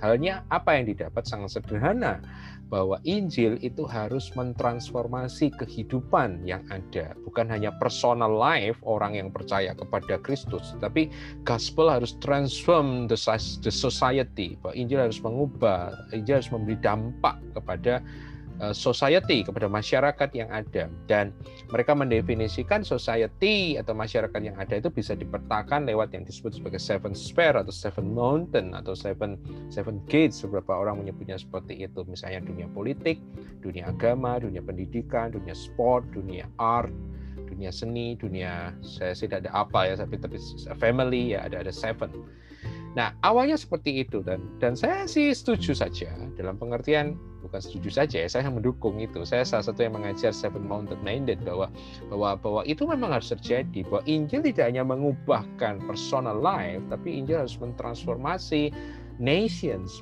city gitu ya, masyarakat, mengubahkan kondisi. Tapi hari-hari ini terjadi misalnya kalau kita membaca misalnya perkembangan di Amerika yang terbaru yang kemarin tentang presidential tentang pemilihan tentang uh, tentang Trump versus Biden yang kemarin. Kita bisa melihat ada saya menyebutnya mungkin arus ya atau cabang dari dari Seven Mountain ini satu aliran yang keluar dari Seven Mountain ini yang menurut saya agak berbeda agak berbeda sedikit begitu ya. Apa yang berbedanya adalah begini saya melihatnya bahwa yang dibawa oleh beberapa pemikir Seven Mountain yang buat saya radikal ini bukan hanya sekedar gospel transform atau gospel uh, have effect to the society tapi bagaimana bahwa bahwa Seven Spare ini betul-betul dikristenkan begitu. Konsepnya mungkin jadinya seperti konsep syariah di dalam yang dalam pemikiran Muslim ya, mungkin seperti itu. Uh, kita harus berpikir ulang. Oleh karena itu yang ketiga, kenapa saya harus membedakan antara evangelism and culture mandate? Karena buat saya, saya setuju dengan ide awal daripada Seven Mountain yang dirilis oleh Lauren Cunningham dan Bill Bright bahwa Injil itu harus mentransformasi mentransformasi le, uh, uh, tujuh spares lewat apa? Ya lewat anak-anak Tuhan yang ada di spares itu. Artinya menjadikan politik lebih bersih secara moral, membuat ekonomi lebih kuat dan stabil dan dan menjadi lebih kembali moral ya. Buat saya gospel itu adalah moral yang pertama dan mem, mem, memperkuat sisi-sisi moral yang ada. Pendidikan juga lebih bermoral misalnya. Karena hari ini misalnya kita bisa melihat bahwa tidak hanya di politik saja, di dunia pendidikan, di dunia seni, di dunia sport, di dunia kesehatan. Hari ini misalnya money is everything begitu. Bahwa orang yang punya duit mereka dapat pelayanan yang terbaik. Yang nggak dapat duit ya sudah mati aja gitu kan. Ada banyak profesi-profesi yang dulunya sifatnya kemanusiaan hari-hari ini pun tidak seperti itu. Dan harus menurut saya ini harus berubah. Gospel harus bisa menjamah dan gospel harus bisa mentransformasi itu Lewat apa dan lewat siapa? Saja lewat anak-anak Tuhan yang ada di situ. Bagaimana lewat interaksi, relationship, uh, koneksi mereka dengan ada di situ menjadi garam dan terang dunia, salt and the light. Dan saya sudah pernah khotbahkan itu juga di salah satu khotbah salt and the light. eh, orang-orang tersebut mengubah value yang pada akhirnya akhirnya mungkin akan mengubah sistem, tetapi yang kita bangun bukan bukan bukan uh, sistem Kristen saya pernah ditugaskan untuk menulis sebuah buku dan kemudian yang akhirnya jadi buku dan dirilis sendiri yang diberikan judul uh, Servant Leadership oleh penerbitnya. Tapi waktu itu sebenarnya saya ditugaskan menulis buku dalam konteks komparatif dengan dengan religion yang lain. Salah satu yang menarik adalah ketika saya ditugaskan oleh penerbit itu untuk menulis buku itu, yang saya dapatkan adalah begini yang yang waktu itu menjadi sebuah pencerahan buat saya dan kemudian saya bagikan ke beberapa orang adalah ketika saya melakukan research tentang tentang leadership of Jesus kemudian saya mendapatkan begini bahwa di dalam di dalam leadership of Jesus Yesus tidak pernah membangun yang disebut sebagai ekonomi Kristen. Yesus tidak memiliki yang disebut sebagai politik Kristen atau uh, sistem sosial Kristen atau edukasi Kristen sebenarnya bukan seperti itu apa yang Yesus ajarkan ada perubahan pribadi. Dan buat saya ini lebih genius dan lebih brilliant karena karena ketika Yesus mengubah pribadi dan dan orang pribadi itu yang menggerakkan sistem, ketika orangnya berubah, sistemnya akan berubah. Dan dan ini strategi Yesus buat saya. Oleh karena itu kenapa kita nggak ada yang kita nggak pernah diajarin kan sistem sistem ekonomi Kristen misalnya. Seperti apa sistem ekonomi Kristen? Apakah kembali ke dalam Torah, ke dalam perjanjian lama, kita kembali ke situ, kemudian kita jadikan itu sebagai uh, syariah Kristennya kita tentang itu? Beberapa orang di Amerika ini juga ada pergerakan seperti itu, saya, saya lupa namanya tepatnya seperti apa, tapi ada pergerakan yang semacam itu uh, saya secara pribadi tidak mendukung uh, ke arah yang semacam itu ya. Saya lebih menyukai ide prefer kepada ide awal dari Lauren Cunningham and Bill Bright. Ya, jadi seperti itu. Ya, ya tugas kita adalah gimana mengubah mengubah orang dan orang itu pada gilirannya akan mengubah sistem. Buat saya itu.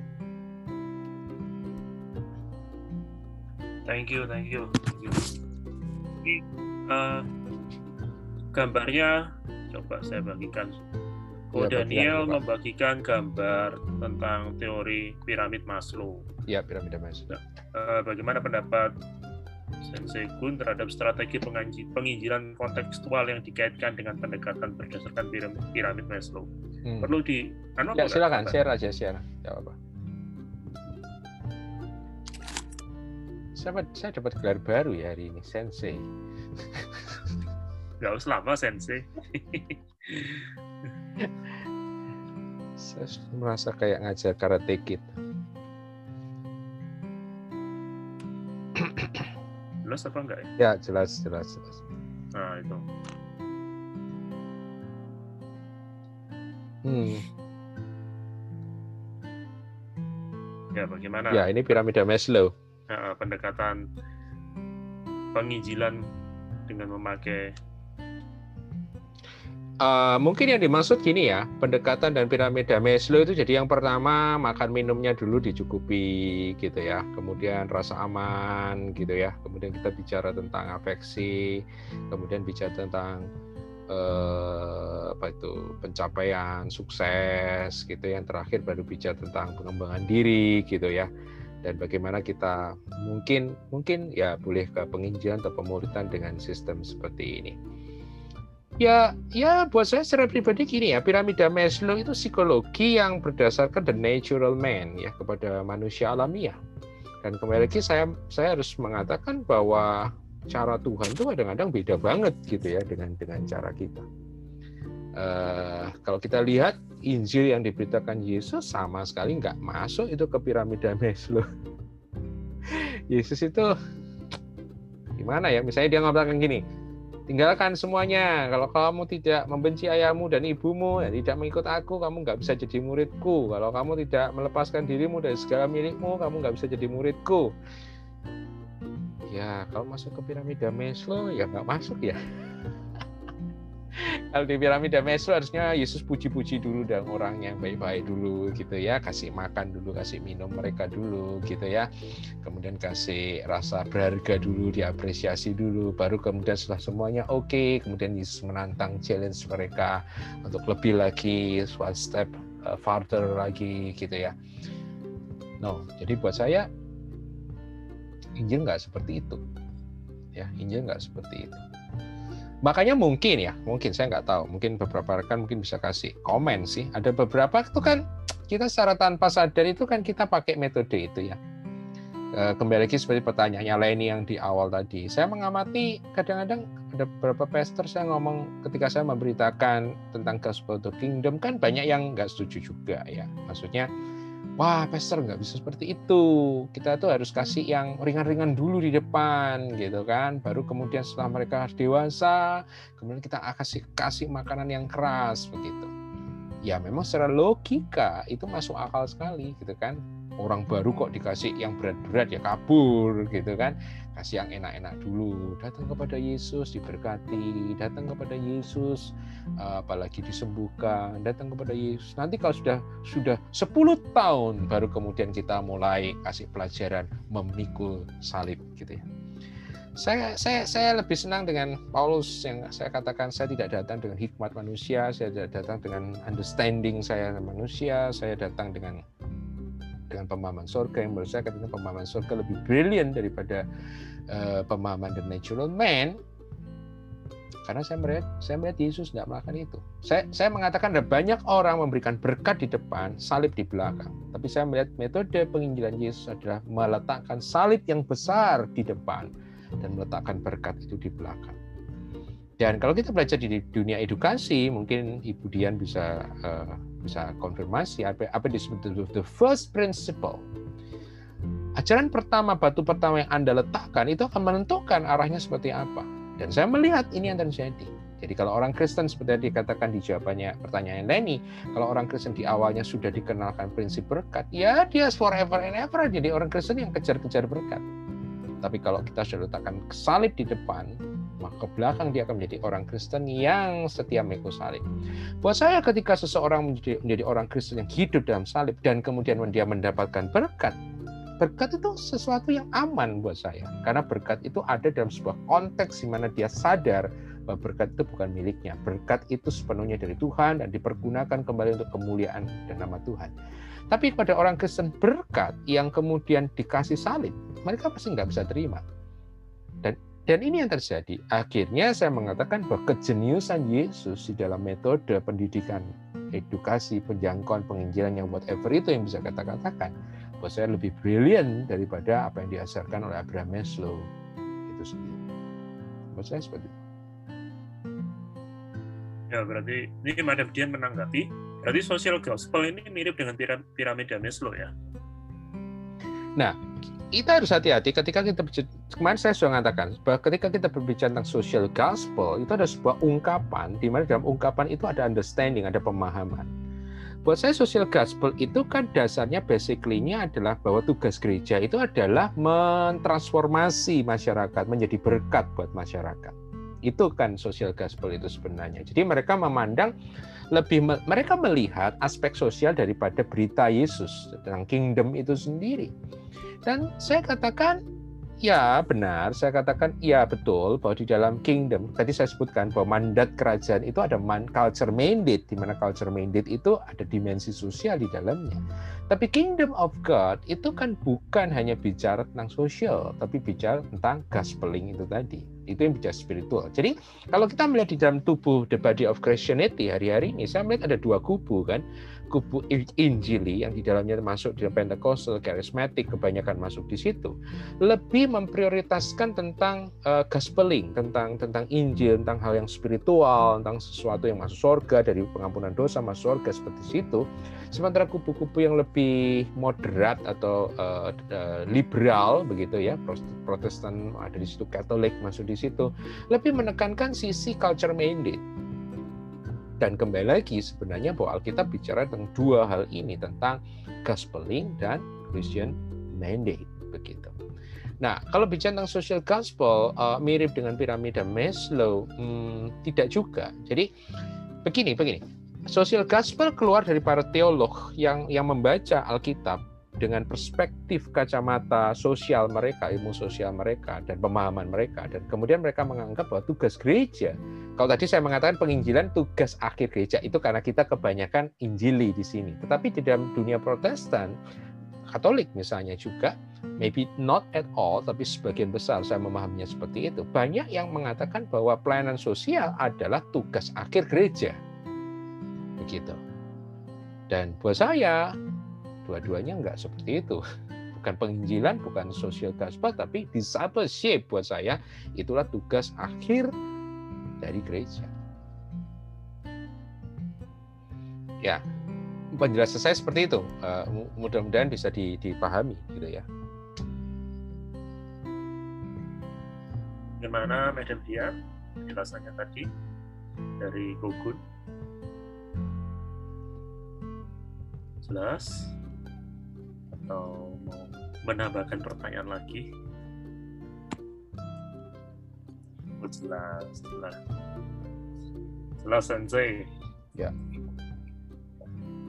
Jadi uh, tentang culture mandate and gospel ini menarik sih kalau mau dipahami lebih lebih jelas. Misalnya fenomena beberapa tahun yang lalu di Indonesia, maybe 10 tahun yang lalu ya, munculnya partai politik Kristen misalnya pada waktu itu itu juga buat saya menarik sih.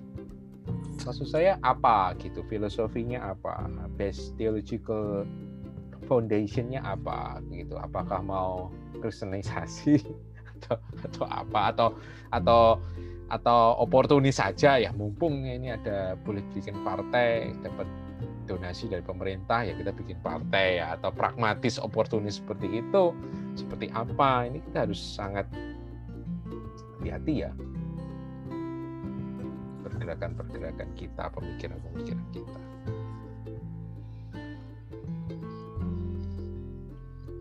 Jadi setelah kita mempelajari semua esensi, empat kelas esensi ini, mm-hmm. mari gitu, ya dengan mas apa maksudnya dengan sistem struktur yang ada saat ini kan tidak memungkinkan kan itu bagaimana semisal di antara kita ini kita ingin membentuk sebuah komunitas gitu pun. Nah, sistemnya atau strukturnya itu selama ini kan cenderung piramid gitu ya. Nah, ini seharusnya praktisnya itu seperti apa dan bagaimana juga mengenai keuangan. Kan gereja gimana pun juga pada akhirnya sebuah komunitas rohani kan membutuhkan keuangan untuk merunning semua yang ada.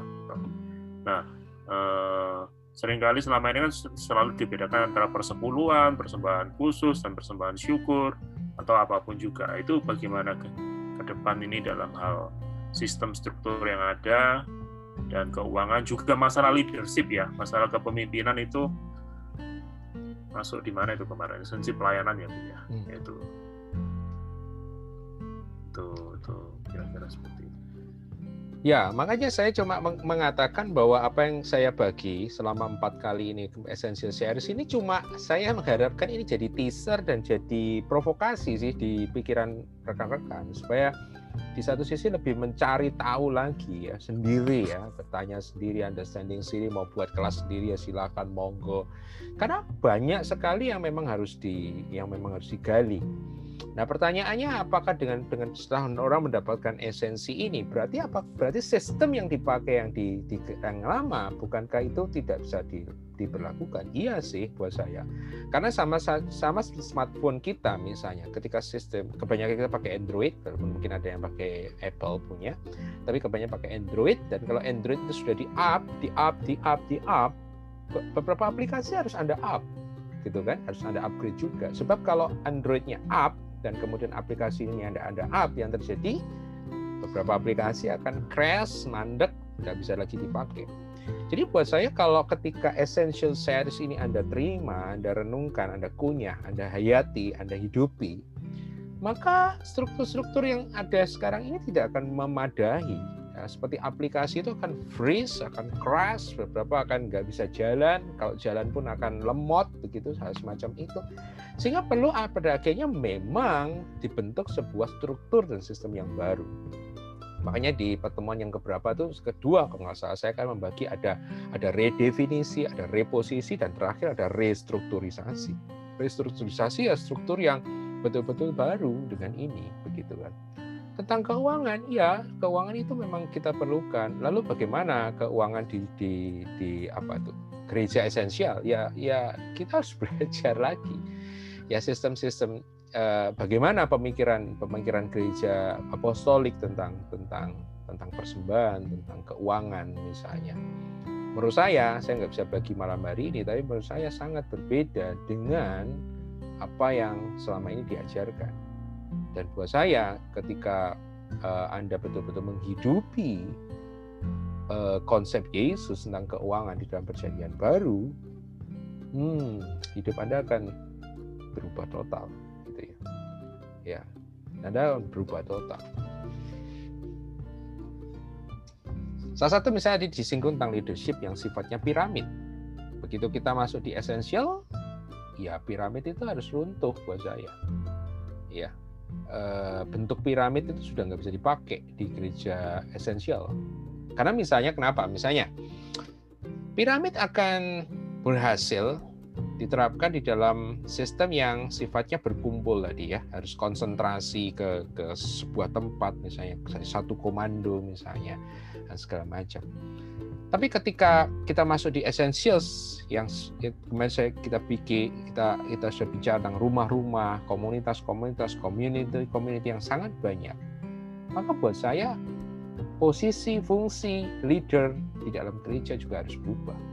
Leader bukan lagi tugasnya mengontrol, controller, tapi leader di dalam essential church adalah sebagai equiper, sebagai supporter, bentuknya sudah bukan lagi single autonom leader begitu tetapi plural uh, plural leadership misalnya. Bahwa keputusan yang diambil bukan lagi keputusan satu arah yang berpusat pada satu orang tapi lebih misalnya kepada presbytery council misalnya di dalam perjanjian baru. Menarik bahwa di dalam perjanjian baru tidak tidak satu orang ya yang mengambil keputusan.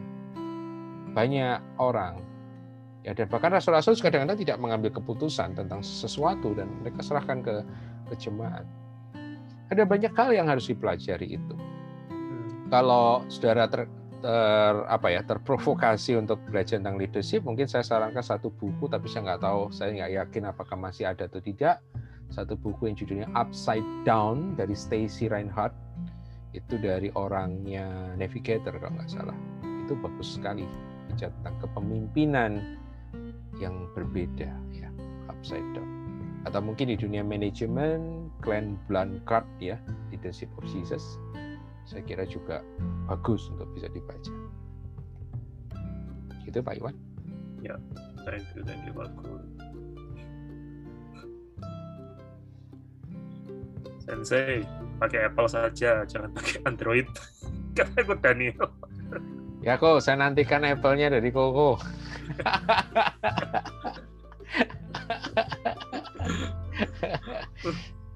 Contohnya saya harus ambil dari Android karena lebih banyak orang pakai Android daripada pakai Apple. Ya atau misalnya beginilah itu bagus juga ya. Sistem saya sering kali tapi saya kalau saya pakai perbandingan kalau di eh, apa itu di di komputer itu ada sistem Microsoft, ada Linux Linux gitu ya. Jadi kan beda ya. Uh, punyanya Bill Gates ini apa namanya Microsoft ya Microsoft dengan Linux itu kan dua hal yang berbeda. Lalu saya nggak pernah pegang Linux, nanti teman-teman yang pernah belajar kan begitu. Sama seperti kita, misalnya Android dengan iOS, this two different system, dua hal yang operating system yang berbeda. Sehingga buat saya essential church, gereja esensial dan gereja tradisional atau gereja whatever itu yang kita kenal hari ini itu, itu seperti iOS dan Android ya, seperti Microsoft dan Linux. Di mana anda nggak bisa mencampurnya, Anda nggak bisa menjadikan dua sistem ini merunningnya, dua, merunning dua sistem ini berjalan bersama-sama, nggak bisa. Dan Anda harus, Anda harus belajar sistem yang baru ini, karena sistem yang baru ini ada fitur-fitur yang memang berbeda dengan fitur-fitur yang ada dalam sistem yang lama. Yang lebih sulitnya karena kita menggunakan kata yang sama, tapi pemaknaan yang berbeda. Kita menggunakan kata gereja, ibadah, penyembahan, pelayanan, kepemimpinan, penginjilan, misi, peperangan rohani, penyembahan, whatever, komunitas, persekutuan, kata yang sama tapi di sistem yang berbeda memiliki meaning yang berbeda dan praktek yang berbeda. Itu.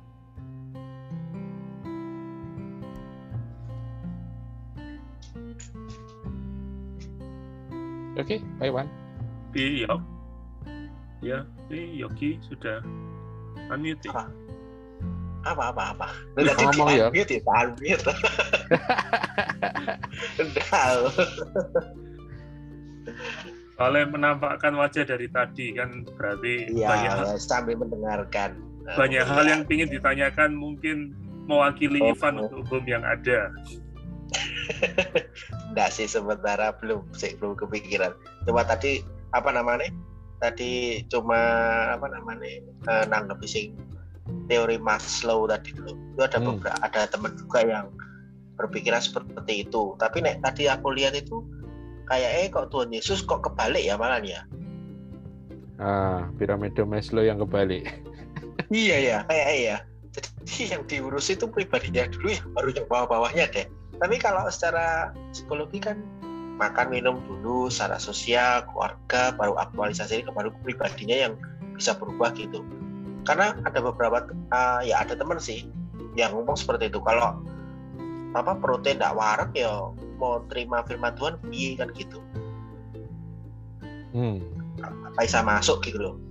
Tapi kan coba menarik ya tadi kalau kamu eh, kalau berdasarkan piramida Maslow memang itu yang dipakai. Saya juga dengar ungkapan itu dan kadang-kadang saya pakai itu dalam konteks tapi yang yang yang beda kali ya. Kan ada banyak orang katakan kalau perutnya lapar gimana bisa dengar berita Injil. Tapi Hmm. kalau dari dari saya secara pribadi ya dari pengalaman saya justru orang yang kenyang itu yang susah dengerin berita Injil. Orang yang lapar itu yang bisa dengerin Injil. Hmm. Iya nggak? Ya walaupun juga kembali lagi manusia itu nggak bisa dikotak gitu ya, tapi kan kenyataannya begitu. Kenapa Tuhan Yesus mengatakan berbahagialah orang yang miskin di hadapan Allah? Karena mereka yang punya kerajaan sorga.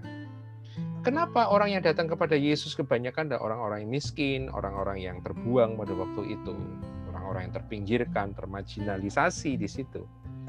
Ya, ya mungkin kejeniusan Yesus beda levelnya dengan kejeniusan Abraham Maslow ya yang pasti ya. Kadang-kadang merasa kadang gini, bukan perut yang lapar yang menghalangi orang mendengar berita Injil. Kadang-kadang perut yang kenyang yang menghalangi orang mendengar berita Injil. Jadi kita harus hati-hati sih. Saya saya tidak saya tidak anti psikologi ya. Saya bukan pendeta yang anti psikologi ya, yang mengatakan psikologi ajaran setan ya, nggak seperti itu ya. Saya tidak mengatakan itu ya. Saya banyak baca buku psikologi, saya senang dengan baca-baca buku psikologi. Buku psikologi membantu kita para psikolog membantu kita tentang para psikolog yang yang yang feel in the spirit, yang cinta Tuhan, banyak membantu kita, tapi kita harus hati-hati ketika kita mengambil sebuah pendekatan pelayanan, pendekatan penginjilan berbasis hanya kepada research dari psikologi. Buat saya, kita harus sangat hati-hati.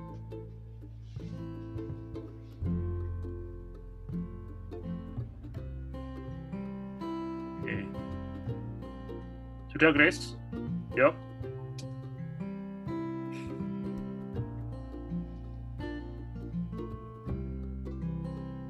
Ya, apa sudah nggak ada? Berarti sudah cukup jelas. Siap dari provokasi-provokasi empat kali pertemuan ini siap untuk menjalankan sesuatu sehingga nggak cuma jadi teori tok ya. Ya Pak Gun ya. Ya, kita harapkan begitu sih. ya memang ada resiko-resiko yang harus kita hadapi sih. Eh, fitur yang baru ranah yang baru pressure society itu kan yang sering kali menghalangi kita untuk benar-benar berani bergerak dan menghidupi esensi ini kan Hidup itu bicara resiko. Kalau tidak mau ambil resiko, nggak usah hidup. Anda mau Anda berubah itu resiko. Anda tidak berubah juga ada resikonya. Hmm, hmm. Jadi jangan ngomong begini, wah saya nggak mau berubah beresiko. Lo Anda nggak berubah ya resiko. Jadi lebih baik berubah kan, sama-sama beresikonya kok. Karena berubah ada something yang better, menurut saya lebih baik.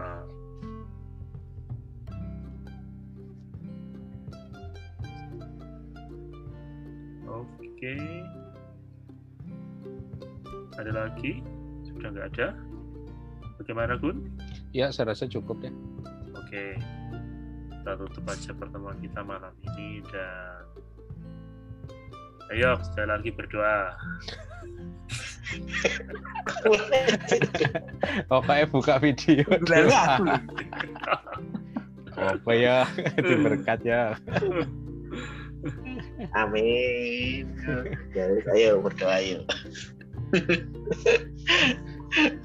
ini habis ini tidak ada lagi kok esensi ya. Ah, enggak ada. Esensi udah selesai. Eh, ya saya promosi aja sekalian minggu nanti saya sama Pak Jun ada IG live tentang single life ya tentang tentang single life tentang Oh. jomblo ya. Dan next maybe bukan series tapi yang lain. Maybe saya mau bicara tentang hmm, business, tentang marketplace. Jadi kita mau bicara tentang marketplace, tentang dunia bisnis. Tapi maybe platformnya bukan Zoom, kita akan coba platform yang lain. Ya tunggu aja dari nanti dari kita pasti ada flyernya. Gitu. Siap siap. Thank you thank you. Ya udah. Hmm. Oke Iya. berdoa ya. Ya. Mari kita berdoa. Eh, Bapak ucap syukur buat malam hari ini. Terima kasih buat pemahaman-pemahaman yang baru sudah kau berikan kepada setiap kami sehingga kami dapat mengerti apa yang menjadi isi hatimu dalam eh, ke, juga kehendakmu dalam setiap kehidupan kami.